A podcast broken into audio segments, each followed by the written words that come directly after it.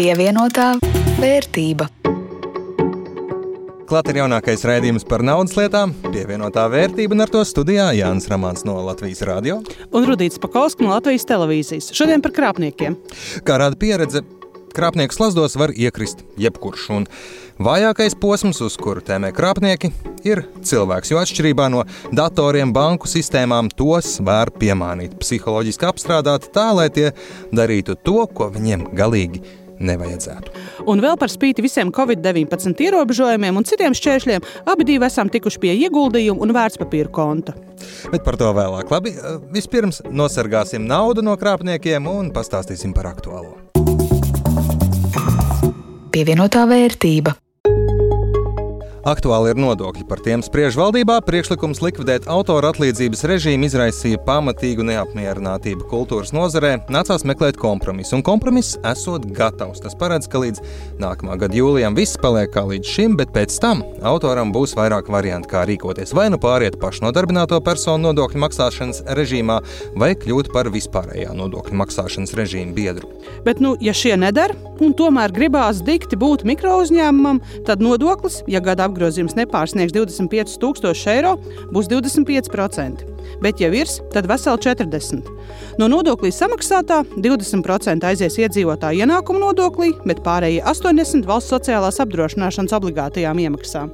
Jaunākie Covid-19 izplatības rādītāji neliecina neko labu. Jauni ierobežojumi pagaidām izskatās neizbēgami, un lai kā arī negribētu skaitīt ekonomikai un Covid-19 vairāk skartajām nozarēm, tas jau notiek. Pagaidi, bet ir arī pozitīvas ziņas. Lai gan ekonomiski pirmais pusgads nav bijis viegls, un otrais arī nesolās tāds būt, gada pirmajā pusē privāto pensiju fondos ir iemaksāts vairāk nekā pērn. Savām pensijām cilvēki ir atlikuši 39,4 miljonus eiro, un tas ir par 2,3% vairāk nekā 2019. gada pirmajos sešos mēnešos. Jā, un iespējams tas ir tāpēc, ka cilvēkiem, kam ir nauda un kuri saprot, ka šobrīd tirgus krituma apstākļos ieguldīt savā nākotnē, var lētāk un savā ziņā tā kā ar atlaidi, un cerēt, ka tālākā nākotnē jau atkal viss būs labi un kā agrāk un bez Covid-19. Bet kamēr koronavīruss vēl ir un plosās, izskatās, ka pēdējā brīdī savus līdz šim labos valsts rādītājus esam paspējuši pārvērst arī materiālā ieguvumā. Mūsu veiksmi, karojot ar Covid-19, atzinīgi novērtējusi starptautiskā kredītreitinga aģentūra Fitch, saglabājot Latvijas kredītreitingu esošajā A- līmenī. Paaugstināja Latvijas kredītreitinga nākotnes vērtējumu no negatīva uz stabilu. Par iemeslu minot tieši labo epidemioloģisko ainu un to, ka pie mums mazāk ierobežojumi nekā citur Eiropā. Un tas nozīmē, ka aizņemties naudu valsts varēs lētāk, un kādu laiku reitings paliks nemainīgs, pat ja epidemioloģiskā situācija vairs nemaz nav tik izcila kā vērtējuma brīdī. Un turpinājumā par krāpniekiem. Pagaidi, pagaidi, man zvana mana banka. Labdien, vai Rudīta? Jā, Te jums zvanīja Jānis no jūsu bankas drošības dienesta. Mēs pamanījām aizdomīgas darbības jūsu kontā, un es gribēju pārliecināties, vai jūs šodien pārskaitījāt naudu uzņēmumam bezcerība. kādu, kādu uzņēmumu? Apmēram tā iesākas šobrīd izplatītākais banku klientu krāpšanas veids Latvijā, par kuru brīdinājumus varam lasīt tik vienas internetbankas pirmajās lapusēs, bet tik un tā cilvēki iekrīt. Pēdējā laikā mēnesī Latvijā tiek piefiksēti aptuveni 6000 šādu krāpniecības mēģinājumu, un varam tikai minēt, cik daudzi nemaz netiek pamanīti. Pārsvarā šie zvani ir krievu valodā, un tālāk sarunā jau bankas klients tiek apstrādāts tā, lai izpaustu par sevi pēc iespējas vairāk informāciju. Te reāli krāpnieces un upuru saruna. Fiksēju dānu informāciju. Fiksēju šo informāciju. Sakiet, karte atrodas pie jums, tā tiešām nav nozagta, palikusi bankomātā? Нет, она у меня в кошельке лежит. Nē, nav pazaudēta guļ manā makā. Kad pēdējo reizi izmantojāt mūsu bankas karti? Ну, Не могу точно сказать. Nevaru tā pateikt, varbūt pirms pāris dienām. Nezinu. Ir jums pie rokas jūsu kodu kalkulators? Nē, es lietoju smartai dīnevis kalkulatoru. Varbūt pēdējā laikā esat lietojis Zoom sapulces vai e-pastus? Nē. Fiksēju šo informāciju. Ir tā, ka šobrīd man ir aizdomas, ka ir pieslēgušies jūsu mobilā telefona algoritmām un izmantojot to cenšas manipulēt ar jūsu kontiem. Lai apturētu krāpnieciskās darbības, mums ir jābloķē jūsu karte uz 24 stundām. Pēc tam varēsiet to atkal lietot. Lai es varētu to nobloķēt, man nepieciešama jūsu mutvārdos izteikta piekrišana. Nosauciet savu lietotāju numuru. Un te ir tas izšķirošais brīdis, kurā vai nu cilvēks iekrīt, vai arī saprot, ka zvana krāpnieks. Šajā gadījumā klienti atsakās nosaukt savu bankas lietotāju vārdu un apstiprināt savu identitāti ar Smart ID, jo zina, ka banka neko tādu telefoniski nevaicātu. Ja banka pamanītu, ka ar jūsu naudu notiek kaut kas dīvains, tā arī zvanītu, bet rīkotos mazliet savādāk. Banka nekad neprasīs tev piezvanot tavus datus. Respektīvi, es nekad nepiezvanīšu no bankas, neprasīšu, labdien, Jāni, vai jūs varētu lūdzu man nosaukt savu smart ID paroli vai lietotāju numuru. Banka vienmēr pateiks, pats atver lūdzu Svetbanku internetbanku, ievada lūdzu savu lietotāju vārdu, jā, autorizējies, jā, un tad, tad mēs turpinām sarunu. Uh, Krāpnieki vienmēr dara otrādi. Viņi lūdz nosaukt, un ko viņi tajā brīdī dara. Viņi jau sēž tajā internetbankā, viņi ievada jūsu lietotāju vārdu un saka, "Ā, pārbaudīsim jūsu identitāti, tagad jums nopīkstēs smart ID. Un cilvēks tiešām nopīkst smart ID. Un kā viņš to var izdarīt? Viņš vienkārši mēģina ielogoties tavā internetbankā. Tas pats, ko tu pats mājās darītu. Un tajā brīdī cilvēks apstiprina to smart ID. Ļauj pieeju cilvēkam iekļūt savā internetbankā, un ko cilvēki dara, primāri viņi aizskaita vai nu visu naudu projām, vai arī vēl trakāk, pēc tam, ja viņiem šī pieeja saglabājas, viņi mēdz arī paņemt patēriņa kredītus vai ātros kredītus uz šo kontu un vēlreiz izskaitīt to naudu ārā. Tad cilvēks ne tikai zaudē savu naudu, viņš jau paliek parādā un ir spiests atdot krāpnieku aizsūtīto naudu prom. Tā Jānis Krops, Svetbankas pārstāvis krāpnieks, šobrīd darbojas Krievu valodā, un viens no policijas un arī banku ieteikumiem ir sarunā pāriet uz latviešu valodu. To dara arī mūsu kliente, aizrādot krāpniecei, ka netic tās dīvainajam akcentam. Ziniet, jums arī nav latviešu akcents. Tāpēc, ka es esmu krieviete. Es arī esmu krieviete. Tad varbūt parunājam latviešu. Ziniet, atvainojiet, Nē, nē, darām tā, parunājam latviešu, es jūs paklausīšos un tiksim skaidrībā par akcentu. Visi bankas darbinieki runā perfektā valsts valodā. Valoda ir tikai viens no šķēršļiem. Pēc Svetbanka izpētītā krāpnieks strādā no austrumu Ukrainas un visticamāk Tas ir tikai laika jautājums, līdz tie tiks pie kāda arī latviešu runājoša, tā kā uz to nevajadzētu ilgtermiņā paļauties. Ikdienu pasaulē tiek izkrāpts gana daudz naudas, lai ļaundari varētu atļauties arī ieguldīt gudrākās tehnoloģijās un iemācītos arī uzrakstīt gramatiski pareizu vēstuli. Ir bijis mēģinājums sūtīt e-pastus, kur ir um, tagad no Svetbanka atklātā pensiju fonda raksta par jūsu konta stāvokli, kas ir pilnīgs absurds, jo pensiju fonds nekādā mērā nenodarbojas ar jūsu kontu pārskatiem.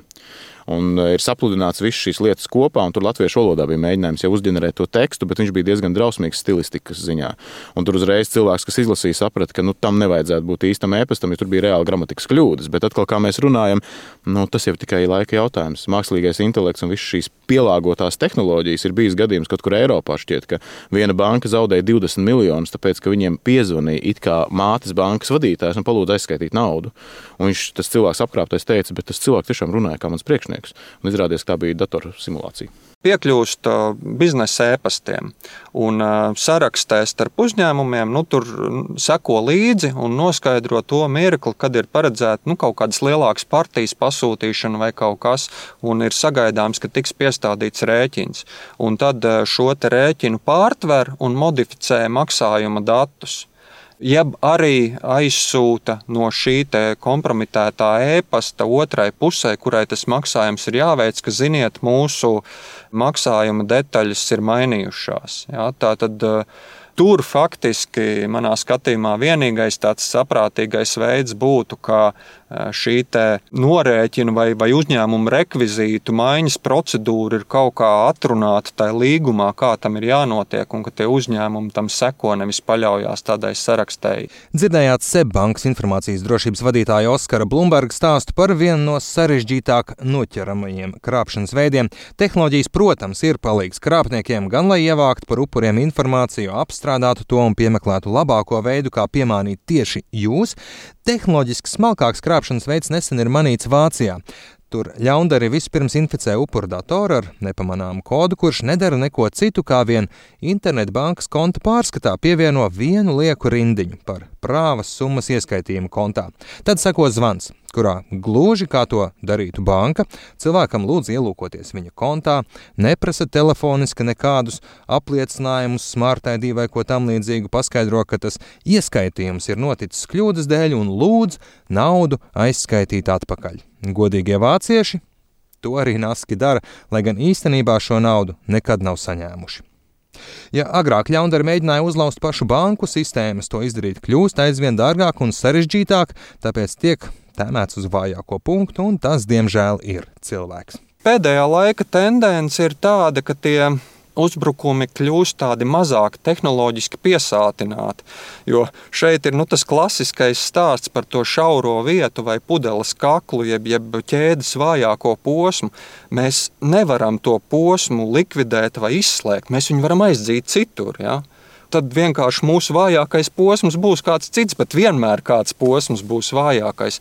Un jo mēs šo aizsardzību padarām tehnoloģiski tādu izsmalcinātāku un vairāk spējīgu darboties, jo vairāk tas fokus būs tieši uz cilvēka rīcību un to, ka cilvēkus mēģina, nu, kā latviešu saka, piečakarēt.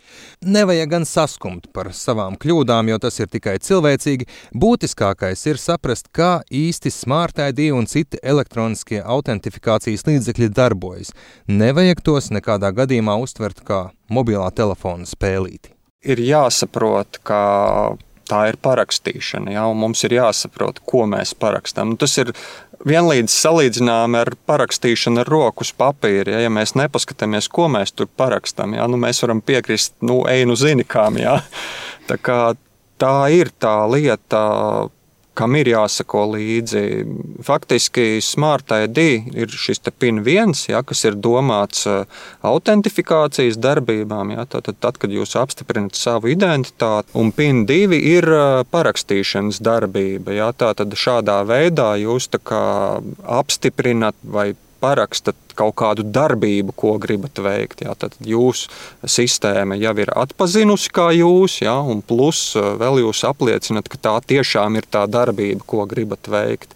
Krāpniekiem ir dažādi triki pūrā, kā jūs piemānīt, un viens no tiem, ja tiem jau ir informācija par potenciālo upuri, izpētīt jūsu sociālo tīklu saturu. Un, piemēram, tāds cilvēks nopērk austiņas, ja Apple maksā 180 eiro tādas bezvadu austiņas, viņš nopērk par 5 eiro kaut kur AliExpress tālu no Ķīnas atsūtīs, ieliek sociālos tīklos un pasaka, redziet, jūs visi, es par piecīti nopirku austiņas, kas lieliski strādā. Krāpnieks to redz, zvana, labdien, šeit no jūsu bankas. Jūs pirkāt nesen austiņas, vai ne? Jā, tas ticamības moments ir tajā brīdī notverts.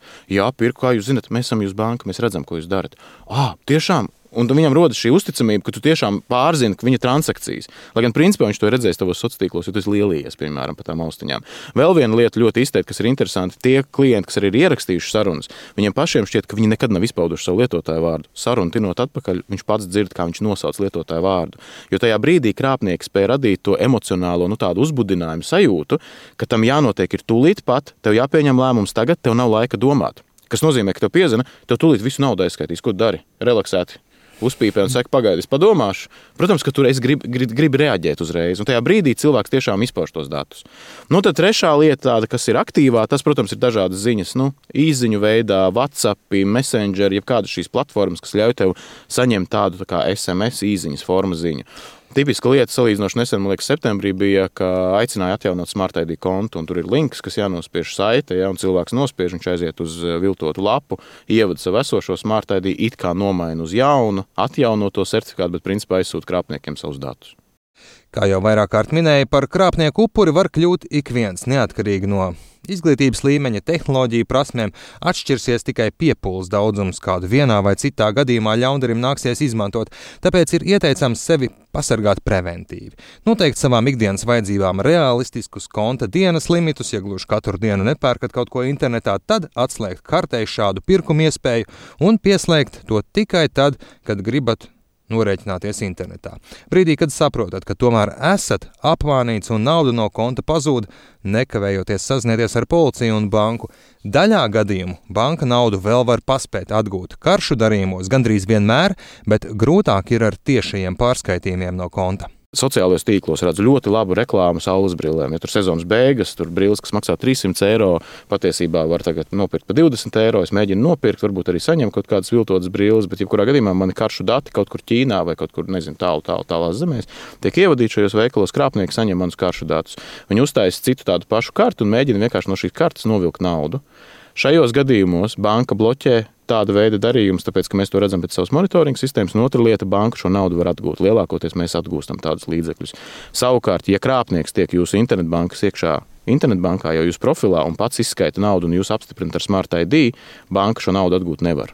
Tāpēc, ka tā ir nu, jūsu pašu darbība vai jūsu rīki nodot krāpnieku rokās. Nu, es vienmēr saku, salīdzinājums dzīvokļu atslēgas. Ja zaglim ielieku rokās savus dzīvokļu atslēgas, viņš man iznes visu sadzīves tehniku ārā, bet dzīvoklis ir apdrošināts, apdrošināšanas kompānija man šo zaudējumu neseks. Un tajā brīdī, diemžēl, tad jāiet tikai uz valsts policiju. Tas ir ilgāks process, ja tā atgūšana nu, ir tāda, kāda viņi ir, kā kurai sanāk. Vēl tāds jau dikti smalks un izkopts krāpšanas veids - darba sludinājums, uz kuru cilvēku atsaucas, notiek reāla darba intervija, attēlināta video zvana, veidā, kurā, protams, mērķis ir ievākt pēc iespējas vairāk datu par upuri, tostarp biometriskos datus. Sadraudzējis ar jums sociālajos tīklos, piemēram, pēc kāda laika paziņo, Apsveicam! Jūs izturējāt darba pārunas, esat pieņemts darbā. Tik viens sīkums vēl jums elektroniski jāparaksta darba līgums un jāpieslēdzas mūsu uzņēmuma sistēmai, izmantojot internetbankas autentifikāciju. Tālāko jau jūs sapratāt paši. Godīgi sakot, es arī pats redzu sevi šādā slazdā iekrītam. Vēl vērts atgādināt, ka joprojām visai izplatīta Latvijā ir apkrāpta ar viltus ieguldījumu fondiem, brokeriem un naudas summas, ko cilvēki šādi savas lēticības, dažkārt pat pēc banku un tuvinieku brīdinājumiem, tomēr zaudējuši, ir iespaidīgas piemēram, investīciju krāpšana, saucamā, ir viss tādā ziņā nu, intelektuāli, manuprāt, attīstītākā, jo tur jau krāpniekam ar to upuri izveidojas savu veidu attiecības. Upuris uzskata, ka tas cilvēks, ar ko viņš runā, ir tiešām kaut kāds investīciju brokeris, jo tas viss sākas kā piedāvā, pieņemsim kaut kādas ļoti viltīgas reklāmas, ja, ka ļoti vilinoši var ieguldīt ar šausmīgi labiem ieguldījumu procentiem, ja nopelnīt šausmīgi daudz naudas un ātri sociālos tīklos.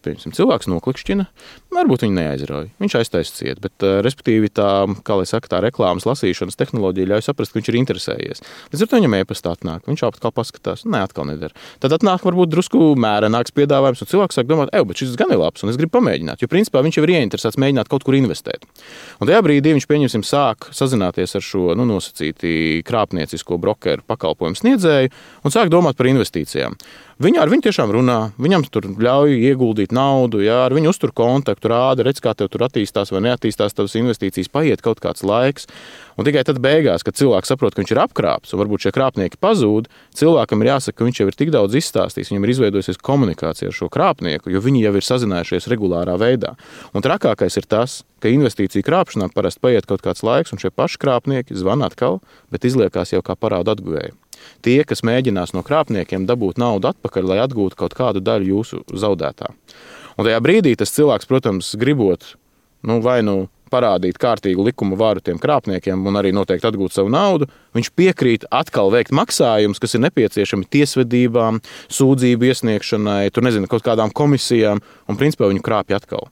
Ir bijuši šādi gadījumi, kad cilvēks apkrāpja uz desmitiem tūkstošu eiro. Un te padoms ir tikai viens. Neusticiet savu naudu Latvijā nelicenzētiem fondiem. Tos, kur ir licencēti un uzraudzīti, var pārbaudīt Finanšu un Kapitāla tirgus komisijā, sadaļā tirgus dalībnieki. Komisija ik pa laikam arī informē par veiklākajiem krāpniekiem šajā jomā. Pievienotā vērtība. Jā, ja nauda nosargāta, tad jādomā, kur to likt. Un, kā jūs zināt, radio klausītāji, mēs ar Rudītu esam nolēmuši pievērsties akciju tirgumu, un šobrīd esam tikuši tik tālu, lai praktiski iegūtu sev vērtspapīru un ieguldījumu kontu, ar kuru tad rīkoties. Un Rudīte burtiski Nu, pirms dažām dienām. Pirms dažām, pirms dažām dienām, dienām beidzot tika ar visiem covid ierobežojumiem. Tiku gan, jā, izrādījās, es to būtu varējis izdarīt arī vienkāršāk, bet, nu, 15 minūtes bankas filiālē, liela drošības pasākumi, dezinfekcija, distance un viss pārējais, bet ieguldījuma konts ir atvērts. Ko mēs darām tālāk? Es šodien jau pamēģināju iegādāties akcijas, un jāteic tā, beidzās ne ar ko. Es laikam viņas mēģināju par, par lētu nopirkt. Gribēju Valmieras stikla šķiedru un Latvijas gāzi iegādāties, bet piedāvāju cenu, kas acīm redzot nevienam nebija pamudinoši, lai viņš savas akcijas man pārdod. Nu, tu jau vari negribēt to, kas tev pieder, atdot pa lēto, vai ne? Jā, tā teikt, degunu esam uh, pabāzuši akciju tirgus pasaulē, bet arī sapratuši, ka īsti jau par to neko daudz nezinām. Tādēļ jau nākamajā raidījumā pastāstīsim vairāk, kas tad ir birža, kā notiek akciju tirzniecība, pirkšana, pārdošana un kā jebkurš tajā var mēģināt piedalīties. Un ar to arī ir galā raidījums pievienotā vērtība. To jums sagatavoja Rudīts Pakausks no Latvijas televīzijas un Jānis Ramāns no Latvijas radio. Par to, lai viss skaisti skan, parūpējās Ulrichs Grīnbergs. Šo un citus raidījumus varat atrast arī Latvijas radio mājaslapā un arī populārākajās podkāstu vietnēs. Uz tikšanos pēc nedēļas. Pievienotā vērtība.